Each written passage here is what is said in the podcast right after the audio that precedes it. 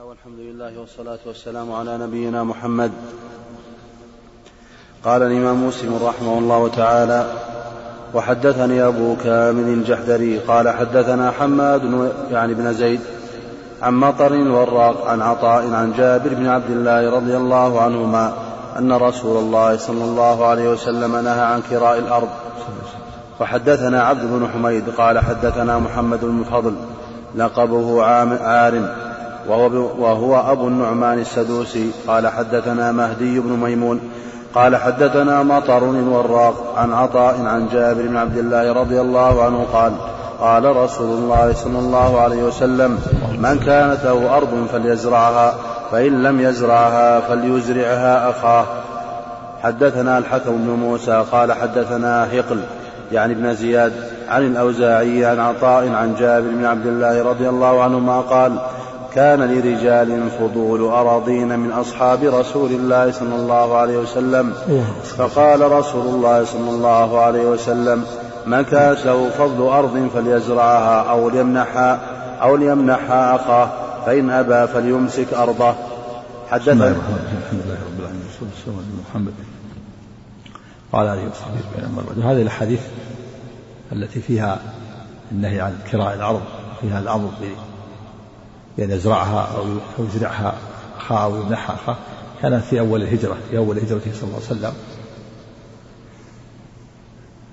لأجل مواساة الأنصار لإخوانهم المهاجرين. أمرهم النبي صلى الله عليه وسلم أن أن يمنح من كان عنده فضول أراضين أن يمنحها أخاه أو يزرعها يزرعها بنفسه أو يمنحها أخاه. كان في هذا في أول الهجرة حتى يواسي الأنصار إخوان المهاجرين ثم بعد ذلك لما وسع الله استقرت الشريعة على جواز المزارعة وأن الإنسان له أن يؤجر أرضه بجزء مشاع معلوم أو بدراهم بدنانير أو بأصل معلومة. استقرت الشريعة على أنه لا بأس بذلك هذا كان في أول في أول هجرة. قال فليمنعها ليمنحها أخاه فليزرعها أخاه. نهى عن كراء الأرض. من كان عنده أرض فلا يكريها. فالنهي هذا كان أولا. والأمر بالمنح كان أولا في أول الهجرة حتى من باب المواساة. تواسي الأنصار إخوان المهاجرين. كان عندهم فضول أراضين يعني زائدة عن حاجتهم. فأمر النبي صلى الله عليه وسلم أن يزرعها بنفسه أو يمنحها. يزرعها. فإن أبى فليمسك أرضه. قل فليمسك أرضه أضاف الأرض إليه في الرد على الشيوعيين والإشتراكيين الذين يؤممون أموال الناس. قال فليمسك أرضه أضاف الأرض إليه. الذين يؤممون أموال الناس ويزعمون أنهم يواسون الفقراء هم يفقرون الأغنياء ولا يعطون الفقراء. الإنسان يتملك له أرض فليمسك أرضه أضاف الأرض إليه إلا على الإنسان إثبات الملكية الفردية. في مما يدل على إبطال مزاعم الشيوعيين والإشتراكيين الذين يؤمنون أموال الناس ولا يتركون لهم أموالا يتملكون فردية يتملكونها. نعم. حدثني محمد وحدثني محمد بن حاتم قال حدثنا معل بن منصور رازي قال حدثنا خالد أخبرنا الشيباني عن بكير بن الأخنس عن عطاء عن جابر بن عبد الله رضي الله عنه قال نهى رسول الله صلى الله عليه وسلم أن يؤخذ للأرض أجر أو حظ. حدثنا ابن نمير قال حدثنا أبي قال حدثنا عبد الملك عن عطاء عن جابر رضي الله عنهما قال قال رسول الله صلى الله عليه وسلم من كانت له أرض فليزرعها فإن لم يستطع أن يزرعها وعجز عنها فليمنحها أخاه المسلم ولا يواجرها إياه. نعم هذا كان أولا. النهي كان أولا والأمر كان أولا. نعم. ثم استقرت الشريعة على الجواز كما سيأتي في في حديث جابر أنه قال فأما شيء معلوم مضمون فلا بأس به. نعم. وحدثنا شيبان بن فروخ قال حدثنا همام قال سأل سليمان بن موسى عطاء فقال حدثك جابر بن عبد الله رضي الله عنهما أن النبي صلى الله عليه وسلم قال من كانت له أرض فليزرعها أو ليزرعها أخاه ولا يكرها قال نعم. حدثنا أبو بكر بن أبي شيبة قال حدثنا سفيان عن عمرو عن جابر رضي الله عنهما أن النبي صلى الله عليه وسلم نهى عن المخابرة. وحدثني حجاج بن الشاعر قال المعاملة المعاملة الأرض بجزء بجزء منها. وكان هذا أولا نعم. أو أنها محمل على المخابرة المنهي عنها. هذا مجمل. يحمل على المخابرة المنهي عنها المعاملة على على جزء مشاع معين كان يقول لي لي الجهة الجنوبية ولك الجهة الشمالية أو لما يكون على الجداول أقبال الجداول. أو أنه كان أولا حتى يمنح الأصفار إخوانهم المهاجرين ويوسوهم نعم. وحدثني حجاج بن الشاعر قال حدثنا عبيد الله بن عبد المجيد قال حدثنا سليم بن حيان قال حدثنا لهذا في الحديث السابق نهى أن يؤخذ الأرض أجر أو حظ. حظ بمعنى الأجر يعني حتى إما أن يزرعها بنفسه أو يمنحها أخاه نعم. ثم بعد ذلك استقامت الشريعة على الجواز. نعم. إذا كان إذا هناك محذور. إذا كانت مزارعة بدون محذور. أما المزارعة المنهي عنها الموجودة في الجاهلية هذه التي نهي عنها. والمزارعة على أشياء من الأرض فيسلم هذا ويهلك هذا. اشتراط أو اشتراط شيء جزء مشاع يشترط دراهم خواصر معلومة. نعم. مع الجزء نعم. وحدثني حجاج بن الشاعر قال حدثنا عبيد الله بن عبد المجيد قال حدثنا سني بن حيان قال حدثنا سعيد بن ميناء قال حدثنا سعيد بن ميناء قال سمعت جابر بن عبد الله رضي الله عنهما يقول إن رسول الله صلى الله عليه وسلم قال من كان له فضل أرض فليزرعها أو ليزرعها أخاه ولا تبيعوها. فقلت لسعيد ما قوله ولا تبيعوها؟ يعني الكراء. قال نعم. نعم. الكراء يعني فسرها بالكراء. يعني لا تؤجروها نعم. حدثنا أحمد بن يونس قال حدثنا زهير قال حدثنا أبو الزبير عن جابر رضي الله عنهما قال كنا نخابر على عهد رسول الله صلى الله عليه وسلم فنصيب من القصر من, من القصري ومن كذا. من القصرى من القصرى أو القصرى أو القصرى قصرى ما بقي من من الحب في السنبل بعد الدياس. ما بقي في من الحب في السنبل بعد الدياس. القصرى نعم. يعني اشترط. نعم. كنا نخابر إيش؟ قال كنا نخابر على عهد رسول الله صلى الله عليه وسلم فنصيب من القصرى نعم. فنصيب من القصرى ومن كذا فقال رسول الله صلى الله عليه وسلم من كانت له أرض فليزرعها أو فليحرثها أو فليحرثها أخاه وإلا فليدعها. حدثني أبو الطاهر وأحمد بن عيسى جميعا عن ابن وهب. قال ابن عيسى حدثنا عبد الله بن وهب. قال حدثني هشام بن سعد أن أبا الزبير المكي حدثه قال سمعت جابر بن عبد الله رضي الله عنهما يقول كنا في زمان النبي صلى الله عليه وسلم نأخذ الأرض بالثلث أو الربع بالماديانات فقام رسول الله نعم. صلى الله عليه وسلم بالثلث أو الربع. بالثلث أو الربع بالماديانات. نعم. فقام رسول الله صلى الله عليه وسلم في ذلك فقال من كانت له أرض فليزرعها فإن لم يزرعها فليمنحها أخاه فإن لم يمنحها أخاه فليمسكها. حدثنا في بيان المزارعة المنهي عنها مع المادينات في اللفظ الآخر بما وبما على المادينات على الثلث والربع وبما على المادينات يعني بجزء مشاع وبما يكون على المادينات وهي ما ينبت على السواقي. ما ينبت حول السواقي. أو ما ينبت على البرك. أو على الجداول. فلذلك نهى النبي صلى الله عليه وسلم عنها لما فيها من الغرض. يعني قد تخرج هذه وقد لا تخرج هذه.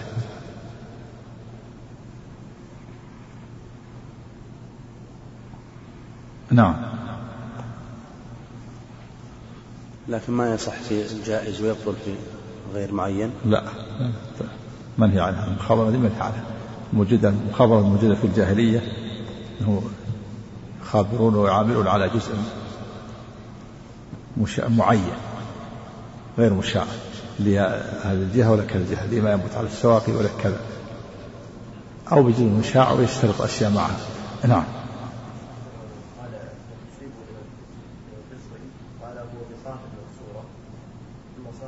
من القصري كذا وكذا ضبط الجمهور قال القاضي هكذا رويناه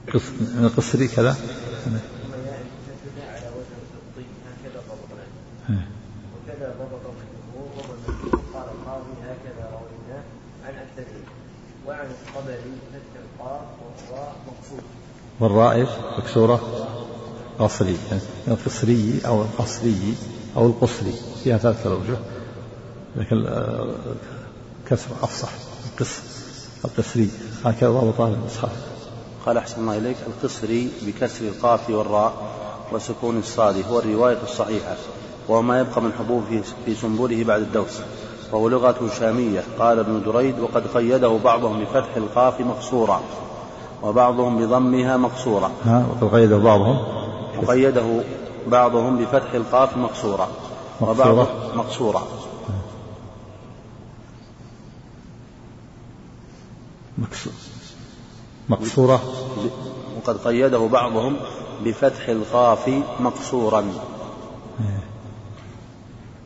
يعني كان قصرا وبعضهم بضمها مقصورا. يعني يصير مثل حبلى يعني مقصور. يعني يعني كان صحيح القصري وروي القصر نعم. وهو ما يبقى من الحب في السم بعد بعد الدوس نعم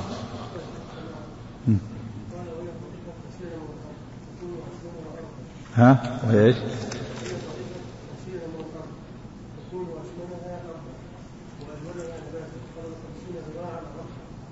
والمعنى انهم هم ولاة الاراضي كانوا يقصدون ما ينبت على احسن جزء من ارضهم ويكون رجلا يباشر من ينبت الزرع وربما كان الذي يحرث الأرض ويزرعها لا يجد الا الا قليلا ويخسر كثيرا فنهى رسول الله صلى الله عليه وسلم عن الأرض ومعناه أن النهي انما ورد على هذا السبب الخاص فهو الذي يكون ممنوعا والنهي المطلق يكون من قبيل الحد على الفضل والإحسان. هذا ها والنهي إيش؟ والنهي المطلق.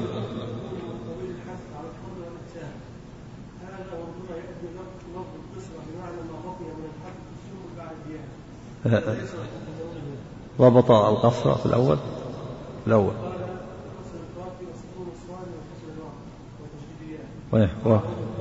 وهو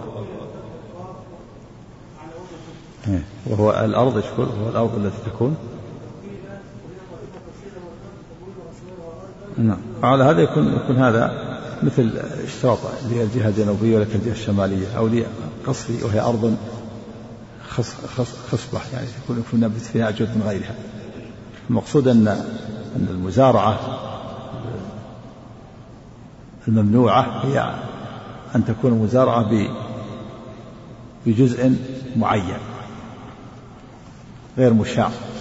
كان يقول يستغذي القصري يعني أرض معروفة بأنها مثلا آه، ينبت فيها الزرع أكثر من غيره لكونها الأرض جيدة. أو يشترط ما ينبت على الجداول وعلى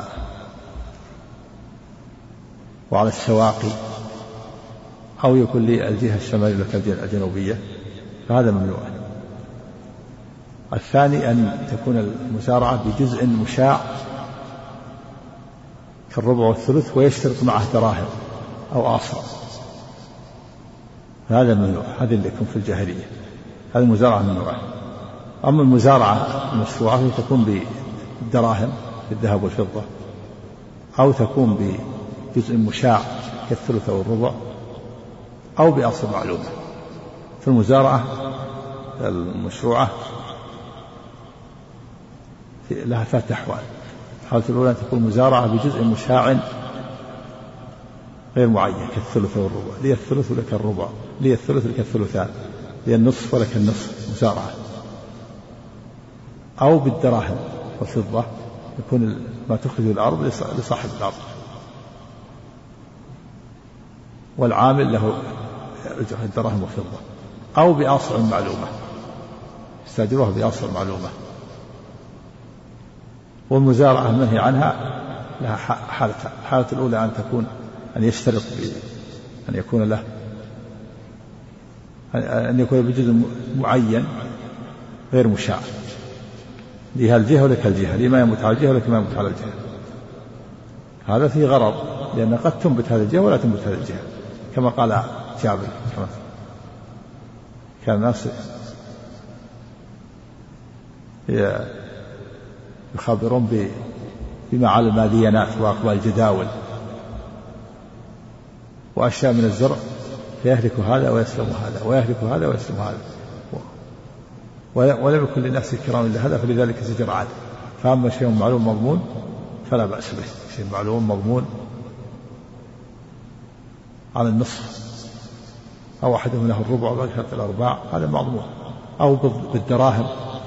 خبره بالدراهم. وما تحصل من الأرض يكون لرب الأرض. يعطيه و ويكون العامل له دراهم معينة. أو بأصع معينة. نعم. مئة صاع.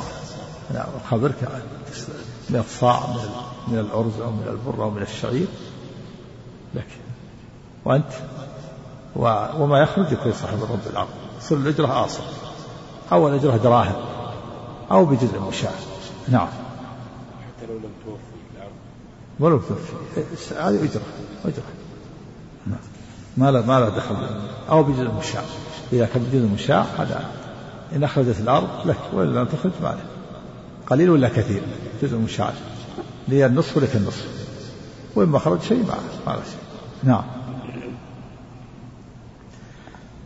حدثنا محمد بن مثنى قال حدثنا يحيى بن حماد قال حدثنا أبو عوانة عن سليمان قال حدثنا أبو سفيان عن جابر رضي الله عنهما قال سمعت النبي صلى الله عليه وسلم يقول من كانته أرض فليهبها أو ليعرها وحدثني حجاج بن الشاعر يعريها من, من العارية. يعريها أخاه ويهبها أخاه. كان هذا أول في أول هجرة. حتى يواسي المهاجر الأنصار إخوانهم ثم بعد ذلك أباح النبي صلى الله عليه وسلم أن يؤجروها وأن يكروها. استقرت الشريعة على هذا نعم. وحدثني حجاج بن الشاعر قال حدثنا أبو الجواب قال حدثنا عمار بن رزيق عن الأعمش بهذا الإسناد غير أنه قال فليزرعها أو فليزرعها رجلا. وحدثني هارون بن سعيد الأيلي قال حدثنا ابن وهب قال أخبرني عمرو وهو ابن الحارث أن بكيرا حدثه أن عبد الله بن أبي سلمة حدث عن النعمان بن أبي عياش عن جابر بن عبد الله رضي الله عنهما أن رسول الله صلى الله عليه وسلم نهى عن كراء الأرض. قال بكير وحدثني نافع أنه سمع ابن عمر رضي الله عنهما يقول كنا نكري أرضنا ثم تركنا ذلك حين سمعنا حديث رافع بن خديج. وحدثنا يحيى بن يحيى قال أخبرنا أبو خيثمة عن أبي الزبير عن جابر رضي الله عنهما قال نهى رسول الله صلى الله عليه وسلم عن بيع الأرض البيضاء سنتين أو ثلاثا يعني ما ينتج منها. يعني تأجير الأرض البيضاء سنتين أو ثلاثة. يقول أزارعك على ما يخرج من هذه الأرض البيضاء. هذا فيه غرض فيه جهالة. ما يدري ما ما تنتج هذه الأرض البيضاء. نعم. نهى إيش؟ نهى نهى عن بيع قال نهى رسول الله صلى الله عليه وسلم عن بيع الأرض البيضاء سنتين أو ثلاثا نعم يعني بيع, بيع ثمن الأرض البيضاء هذا من الجهالة والغرض. هذا مثل ما سبق بيع السنين. بيع المعاوضة السنين. يعني يبيع ثمرها ثمر هذه الأرض البيضاء ما ينتج منها سنتين أو ثلاث مثل من الجهالة والغرض. نعم. وحدثنا سعيد بن منصور وابو بكر بن أبي شيبة وعمر الناقد وزهير بن حرب قالوا حدثنا سفيان بن عيينة عن حميد الأعرج عن سليمان بن العتيق عن جابر رضي الله عنه قال نهى النبي صلى الله عليه وسلم عن بيع السنين وفي رواية ابن أبي شيبة عن بيع الثمر سنين. هذا هو بيع السنين وبيع الأرض البيضاء. بيع ثمنها سنين. بعتك ما تنتجه هذه الأرض سنتين أو ثلاث. هذا هذا غير المزارعة. المزارعة أزارعك على ما ينتج منها بالثلث والربع. لكن هذا يبيع ثمرها. بعتك ما تنتجه هذه الأرض البيضاء سنتين أو ثلاث لك. ما تدري وش تنتج. السنة الأولى ولا السنة الثانية ولا الثالثة. قد تنتج وقد لا تنتج. قد تنتج كثير وقد تنتج قليل وقد لا تنتج شيئا. فهو بيع مجهول ومعدوم. غرض نعم. يقال له بيع السنين نعم. المعاومة نعم. حدثنا حسن بن علي الحلواني قال حدثنا أبو توبة قال حدثنا معاوية عن يحيى بن أبي كثير عن أبي سلمة بن عبد الرحمن عن أبي هريرة رضي الله عنه قال قال رسول الله صلى الله عليه وسلم من كانت له أرض فليزرعها أو ليمنحها أخاه فإن أبى فليمسك أرضه. وحدثنا الحسن الحلواني قال حدثنا أبو توبة قال حدثنا معاوية عن يحيى بن أبي كثير أن يزيد بن نعيم أخبره أن جابر بن عبد الله رضي الله عنهما أخبره أنه سمع رسول الله صلى الله عليه وسلم ينهى عن المزابنة والحقول فقال جابر بن عبد الله المزابنة الثمر بالتمر والحقول كراء الأرض. نعم. الثمر على رؤوس الشجر وهو الرطب بالتمر. والحقول محاقلة بيع الزرع الحب في سنبله بالحب. نعم. الحب اليابس نعم. وهي المحاقلة نعم. حدثنا قتيبة بن سعيد قال حدثنا يعقوب يعني بن عبد الرحمن القاري عن سهيل بن أبي صالح عن أبي عن أبي هريرة رضي الله عنه قال نهى رسول الله صلى الله عليه وسلم عن المحاقلة والمزابنة. وحدثني أبو الطاهر قال أخبرنا ابن وهب قال أخبرني مالك أنس عن داود بن الحسين أن أبا سفيان مولى بن أبي أحمد أخبره أنه سمع أبا سعيد الخدري رضي الله عنه يقول نهى رسول الله صلى الله عليه وسلم عن المزابنة والمحاقلة. والمزابنة شراء الثمر في رؤوس النخل والمحاقلة كراء الأرض. حدثنا يحيى بن أبي حدثنا هذا تفسير آخر أحسن عليك. نعم. والمزاب قال محاقلة كراء الأرض. يعني تأجيرها تفسير آخر يعني الحق محاقلة كراء الأرض يعني تأجيرها. نعم. حدثنا يحيى بن يحيى تأجيرها بأي شيء تأجيرها يعني بحب مجبل هذا. أقول هذا مجبل. فسره الرواية الأخرى نعم. حدثنا يحيى بن يحيى وأبو الربيع العتكي قال أبو الربيع حدثنا وقال يحيى أخبرنا حماد بن زيد عن عمرو قال سمعت ابن عمر رضي الله عنهما يقول كنا لا نرى بالخبر بأسا حتى كان عام أول. بالخبر بالخبر أو الخبر الخبر أو الخبر أفصح الخبر. وهي المخابرة وهي المعاملة. معاملة على ما ينتج من الأرض. نعم. قال كنا يقول كنا لا نرى بالخبر بأسا حتى كان عام أول فزعم رافع أن نبي الله صلى الله عليه وسلم نهى عنه. فحدثنا أبو بكر بن أبي شيبة قال حدثنا سفيان حاء وحدثني علي بن حجر وإبراهيم بن دينار قال حدثنا إسماعيل وهو ابن علية عن أيوب. حاء وحدثنا إسحاق بن إبراهيم قال أخبرنا وكيع قال حدثنا سفيان. كلهم عن عمرو بن دينار بهذا الإسناد مثله وزاد في حديث ابن عيينة فتركناه من أجله. وحدثني علي بن حجر قال حدثنا إسماعيل عن أيوب عن أبي الخليل عن مجاهد قال قال ابن عمر رضي الله عنهما لقد منعنا منعنا رافع نفع أرضنا. وحدثنا يحيى بن يحيى قال أخبرنا يزيد بن زريع عن أيوب عن نافع أن ابن عمر رضي الله عنه عنهما كان يكرم مزارعه كان يكرم مزارعه على عهد رسول الله صلى الله عليه وسلم وفي إمارة أبي بكر وعمر وعثمان وصدرا من خلافة معاوية حتى بلغه في آخر خلافة معاوية أن رافع بن خديج يحدث فيها بنهي النبي صلى الله عليه وسلم فدخل عليه وأنا معه فسأله فقال كان رسول الله صلى الله عليه وسلم ينهى عن كراء المزارع فتركها ابن عمر فتركها ابن عمر ابن عمر بعد من باب احتياط. ترك ابن عمر احتياطا وتورعا خشية أن يكون النبي أحدث نهيا. وهو يعلم حكم المزارعة من النبي صلى الله عليه وسلم لكن لما بلغ أن رافع بن خديج يحدث عن النبي صلى الله عليه وسلم ترك احتياطا. سأل رافع بن خديج ونافع معه قال النبي نهى عن كراء المزارع ولم يستفصل ما مجمل نهى عن كراء المزارع. ولو استفصل بينه. ولهذا ترك من باب الاحتياط. وإلا فابن عمر يعلم حكم المزارعه مشروعة. ولهذا فعلها في على النبي صلى الله عليه وسلم وفي مرة أبي بكر وعمر وعثمان وعلي وصدر من خلافة معاوية. ثم تركها بعد ذلك احتياط لما بلغ عن رافع أنه حدث عن النبي نعم. فترك ابن عمر بعد وكان إذا سئل عنها بعد وإذا كان إذا سئل عنها بعد قال زعم رافع بن خديج أن رسول الله صلى الله عليه وسلم نهى عنها. وحدثنا أبو الربيع وأبو كامل قال حدثنا حماد حاء وحدثني علي بن حجر قال حدثنا إسماعيل كلاهما عن أيوب بهذا الإسناد مثله وزاد في حديث ابن علية قال فترك ابن عمر بعد ذلك فكان لا يكريها.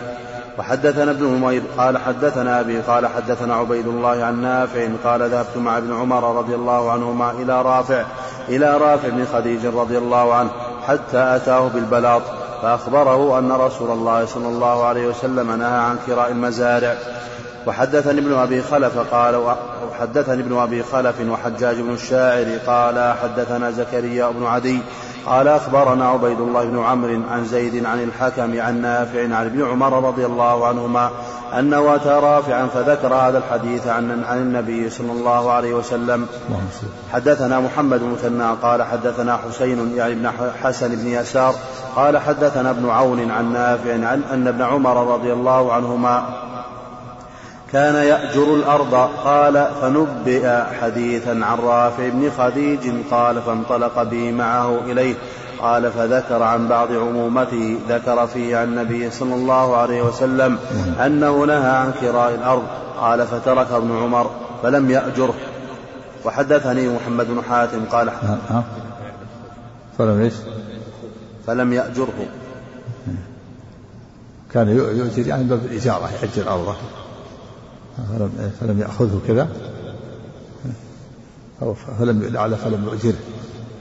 ها؟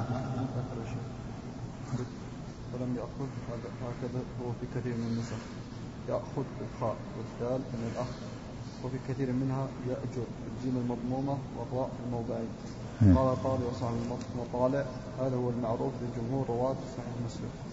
قال صاحب المطالع هو الأول تصحيح وفي بعض النسخ يؤجر لا لعل فلم يؤجرها فلم يؤجر. أصح. فلم يؤجر. سياق كما يقتضي نعم.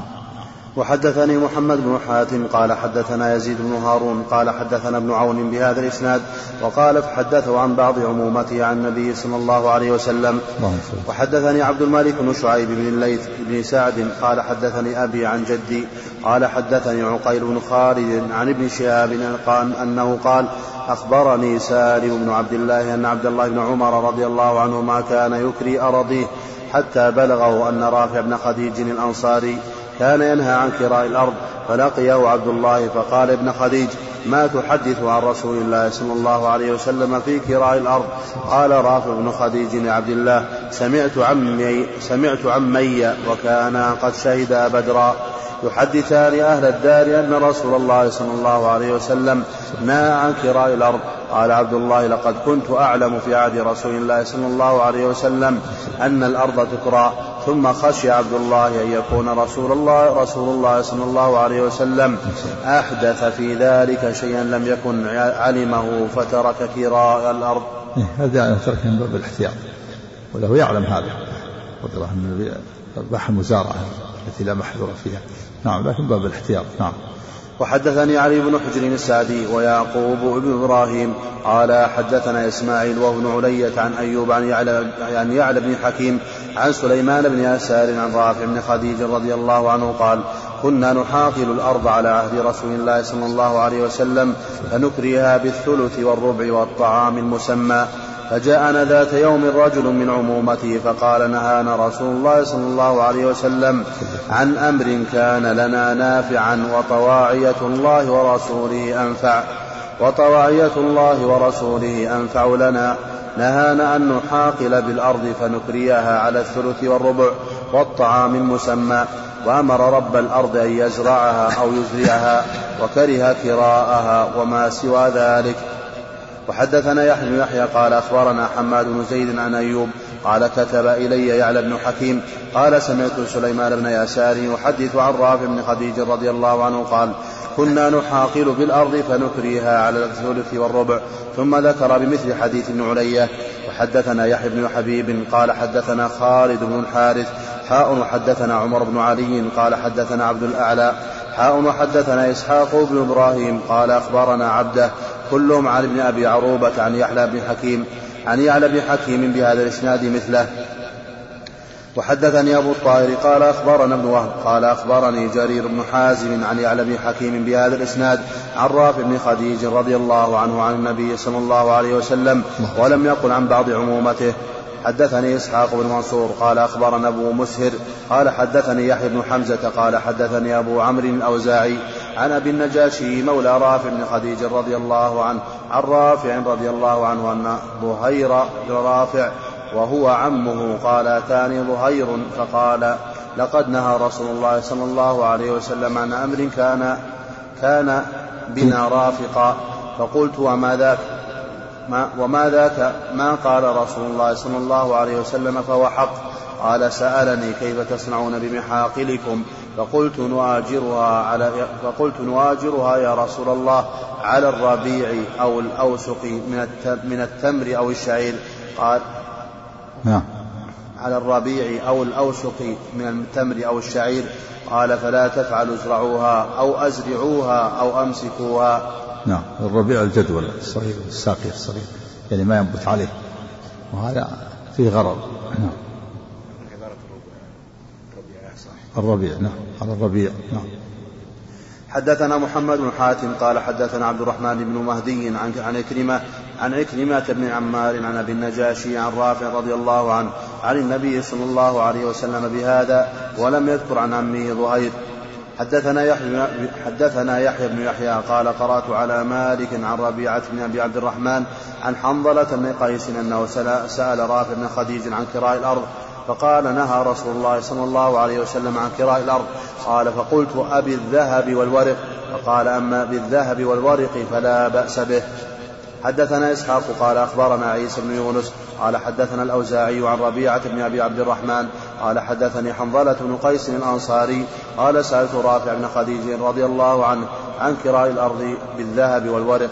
فقال لا بأس به إنما كان الناس واجرون على عهد النبي صلى الله عليه وسلم على الماديانات وأقبال الجداول وأشياء من الزرع فيهلك هذا ويسلم هذا ويسلم هذا ويهلك هذا فلم يكن للناس كراء إلا هذا فلذلك زجر عنه فأما شيء معلوم مضمون فلا بأس به. وهذا كان من الكلام المحكم لأن حديث رافع مضطربة. هذا من الكلام من الأحاديث المحكمة المتقنة الموضحة المفصلة. وذلك أن لو بين أن الناس كانوا يؤاجرون في الجاهلية على على المادينات وأقبال الجداول يعني ما حول السواقي وأقبال الجداول وأشياء من الزرع. فيهلك هذا ويسلم هذا ويسلم هذا ويهلك هذا. ولا يكون للناس يشرون إلا هذا فلذلك زجر عنه. زجر عن المخابرة التي يفعلها الجاهلية. يؤجل ما ينبت على السواقي لي والباقي لك. أو لي الجهة الجنوبية لك الجبل وأشياء من الزرع. فأما شيء معلوم مضمون فلا بأس شيء معلوم بالذهب والفضة. أو شيء معلوم بجزء مشاع بالثلث أو الربع. أو شيء معلوم بأصل معلوم. ولهذا قال ولم يكن الناس كراء إلا هذا. هذه كراء في الجاهلية. فلذلك زجر عنه. فأما شيء معلوم مضمون فلا بأس به. هذا من الحديث المحكمه المتقنه المفصله موضحه إن المنهي عنه هو المخابرة والمحاقرة التي كانت في الجاهلية. على شيء معين من الأرض أو بجزء مشاع لكن معه يشترط معه دراهم أو واصل هذا هو المنهي عنه. أما المخابرة بدراهم وفضة والمخابرة بجزء مشاع كالثلث والربع فهذا لا بأس به. نعم. أو بأصل معلومة. نعم. حدثنا عمرو الناقد قال حدثنا سفيان بن عيينة عن يحيى بن سعيد عن حنظلة الزرقي أنه سمع رافع وأنه سمع رافع بن خديج رضي الله عنه يقول كنا أكثر الأنصار حقلا. قال كنا نكري الأرض على أن لنا هذه ولهم هذه فربما أخرجت هذه ولم تخرج هذه. فنهانا عن ذلك. نعم لما فيه من الغرض. هذه مخالفة في الجاهلية. والنهي مصب عليه. المخالفة في الجاهلية. وأما النهي في أول الأمر هذا من باب المواساة الرفق حتى يواسي المهاجرون الأنصار إخوانهم المهاجرين نهاهم في أول الأمر ألا يكروها ويمنحوها إخوانهم. نعم.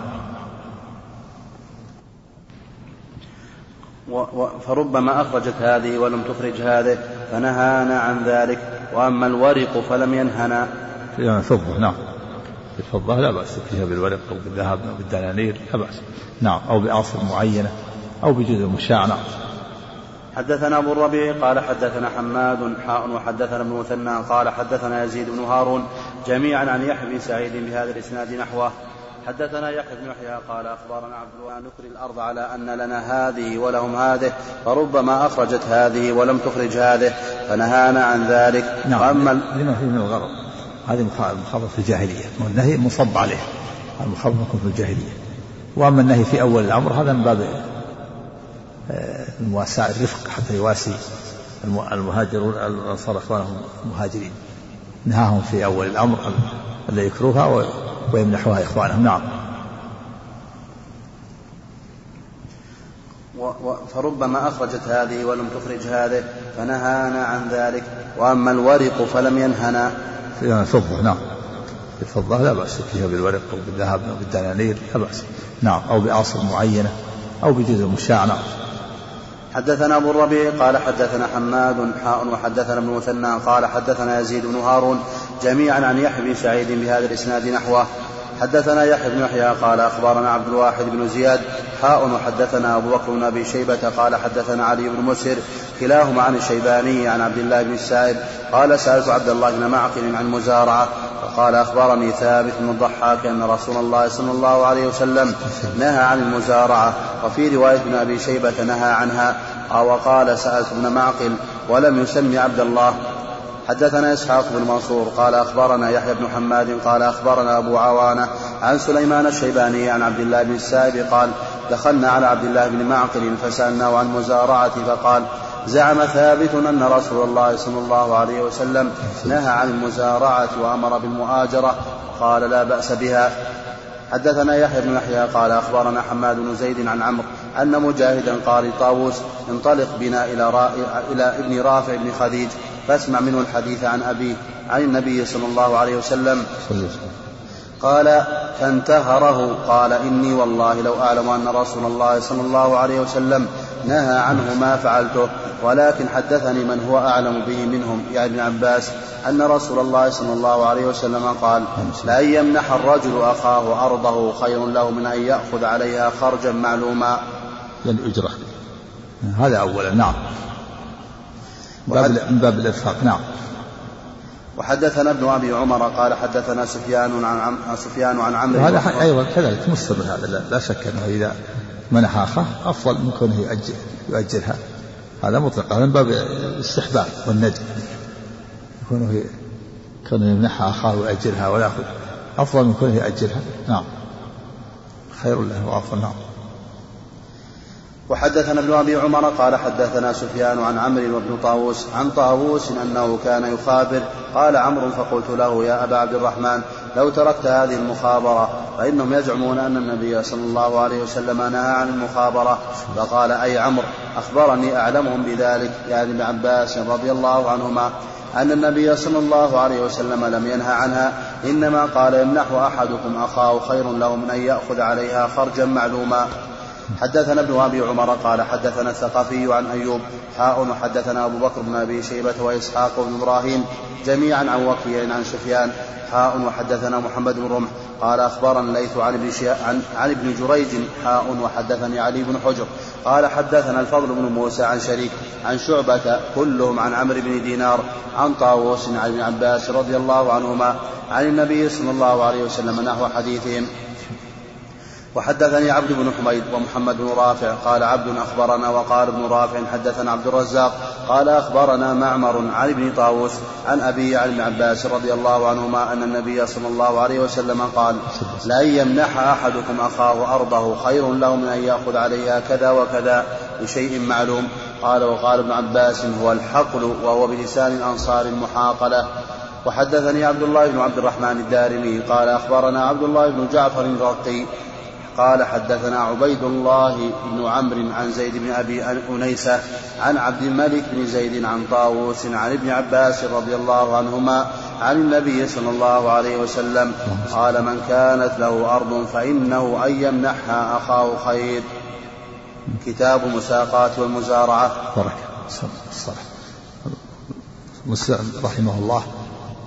ساق الطرق.